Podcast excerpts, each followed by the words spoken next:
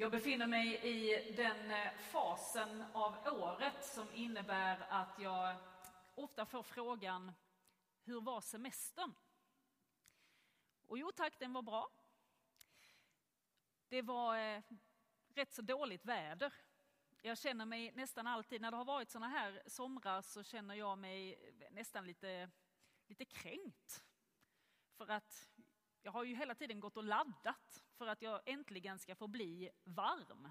För jag är en sån där som fryser mellan september och mitten av juni. Och då förväntar jag mig liksom ett, att verkligen vara varm några veckor och sen kan jag frysa igen.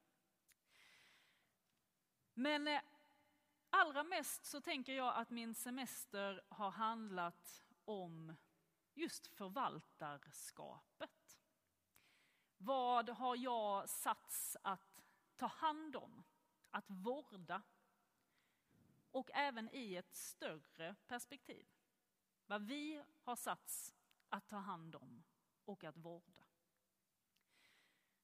Och nu tänkte jag prata en del om båtar. För det har också min semester handlat om. Dels så var familjen, de som jag tar hand om och förvaltar liksom allra närmst, eh, vid Vasaskeppet. Och det är ju ja, det är ett fantastiskt museum.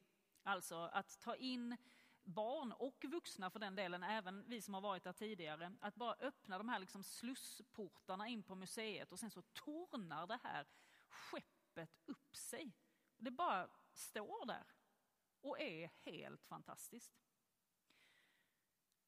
Sen eh, har jag också nördat ner mig en del i Titanic. Det gör jag med jämna mellanrum. Och den här sommaren det är ju, var ju en fruktansvärd olycka som ledde fram till detta. Men jag eh, tänkte att nu är det några år sedan jag nördade ner mig i Titanic så nu får jag göra det ytterligare några gånger. Och de här enorma fartygen, de som står för rikedomen, de som står för att mästra och besegra naturkrafterna. Oavsett om de går ovanpå vattnet eller dyker ner i vattnet. De som står för lyxen och flärden men också för vår liksom, mänskliga drift att upptäcka, undersöka, att se vad som finns på andra sidan havet eller på havets botten. I grunden så är det någonting oerhört positivt, tänker jag. Den här nyfikenheten som gör att vi som människa aldrig slutar förundras, aldrig slutar upptäcka, aldrig slutar undra vad är det som finns där borta egentligen. Men sen går det fel. Och väldigt ofta handlar det om just att vi inte förvaltar det som vi är satta att förvalta.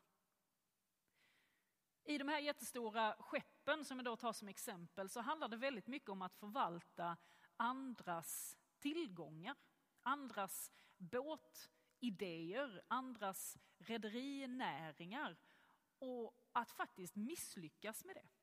Att ha för bråttom, att vara för snål, att sälja in ett skepp som osänkbart, att göra sig lite för stor. Och så går det inte. Det ryktas ibland om att så här att det bara var, eller i princip bara var kvinnor som överlevde Titanic. Så var det faktiskt inte, det var ungefär 50-50. Däremot så går det väldigt, väldigt tydligt att se vilka biljettklasser som överlevde. För att tredje klassens passagerare, det var bara liksom en handfull. Medan första klasspassagerarna var de som fick plats i livbåtarna. Och det för oss in i dagens texter. Kanske framförallt in i den gammaltestamentliga texten. Där Amos riktigt trycker till första klasspassagerarna. Och säger, fast på ett jordbruksspråk då, att livbåtarna faktiskt måste räcka till alla. Och in i evangelietexten så får vi det här om den ohederlige förvaltaren. Men om ett litet ögonblick så ska vi faktiskt gå in lite mer på honom och hans ohederlighet. Men det han gör är ju alltså att han friskriver, inte riktigt, men han skriver ner människornas skulder. Han fattar kloka beslut om andra människors pengar. Eller gör han verkligen det? För de skuldsatta, ja. Det är helt fantastiskt kan jag tänka mig. Att, tänk om någon bara plötsligt ringde från banken och sa, hörru ditt eh, huslån, eh, vi går in och halverar det. Tack! Men för banken så är det ju rätt mycket pengar som i så fall bara stryks som tillgångar. Men den här ohederlige förvaltaren, jag tycker att vi lägger till ett ord i hans titel. Den eventuellt ohederlige förvaltaren. För här har vi faktiskt en man som döms utan rättegång eller någonting. Han får sparken på grund av ett rykte.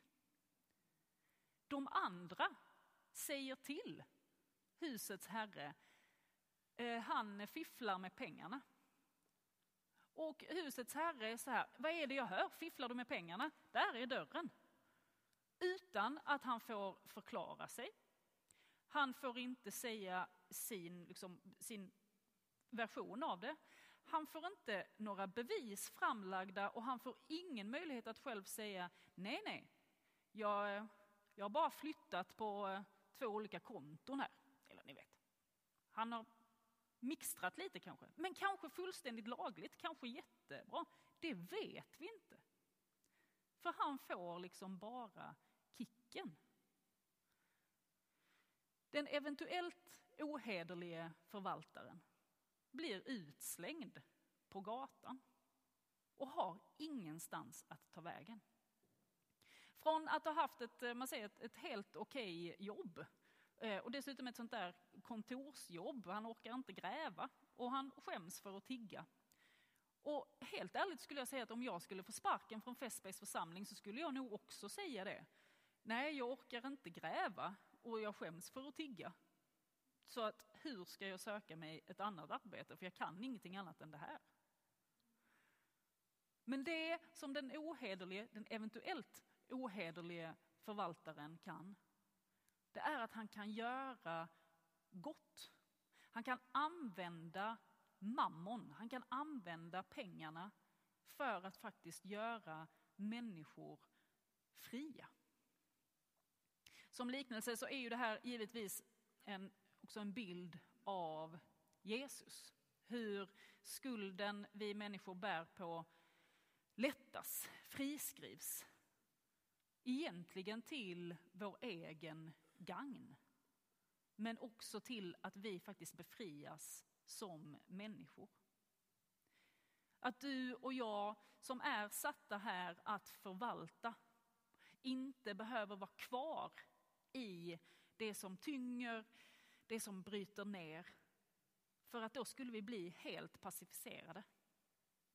En människa som är tyngd av bördor, tyngd av sorg, tyngd av känslor av skuld och skam kommer inte kunna vara till för andra eller vara till för skapelsen. För att det tynger ner oss för mycket. Hjälper jag dig så hjälper du mig och så vidare. Men om min ryggsäck är för tung så ser jag inte dig.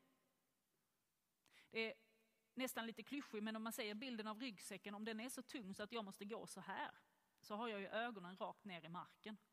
Och då kan jag aldrig se dig i ögonen. Förvaltarskapet, det kommer liksom med att vara människa. Det kommer med att vara kyrka. Det kommer med att vara Guds folk. Den här veckans saltartext är kanske den texten av veckans texter som faktiskt beskriver det allra bäst. Och jag tänkte avsluta predikan med att läsa den ur Saltaren 8.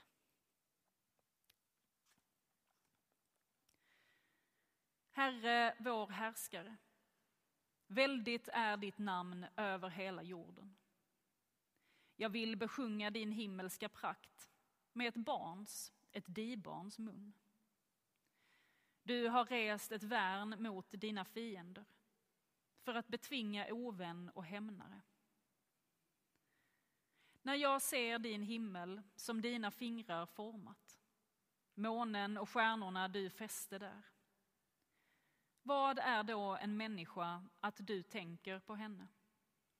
En dödlig att du tar dig an honom. Du gjorde honom nästan till en gud. Med ära och härlighet krönte du honom. Du lät honom härska över alla dina verk. Allt lade du under hans fötter. Får och oxar, all boskap och markens vilda djur. Himlens fåglar och havets fiskar. Allt som vandrar havets stigar. Herre, vår härskare, väldigt är ditt namn över hela jorden. Amen.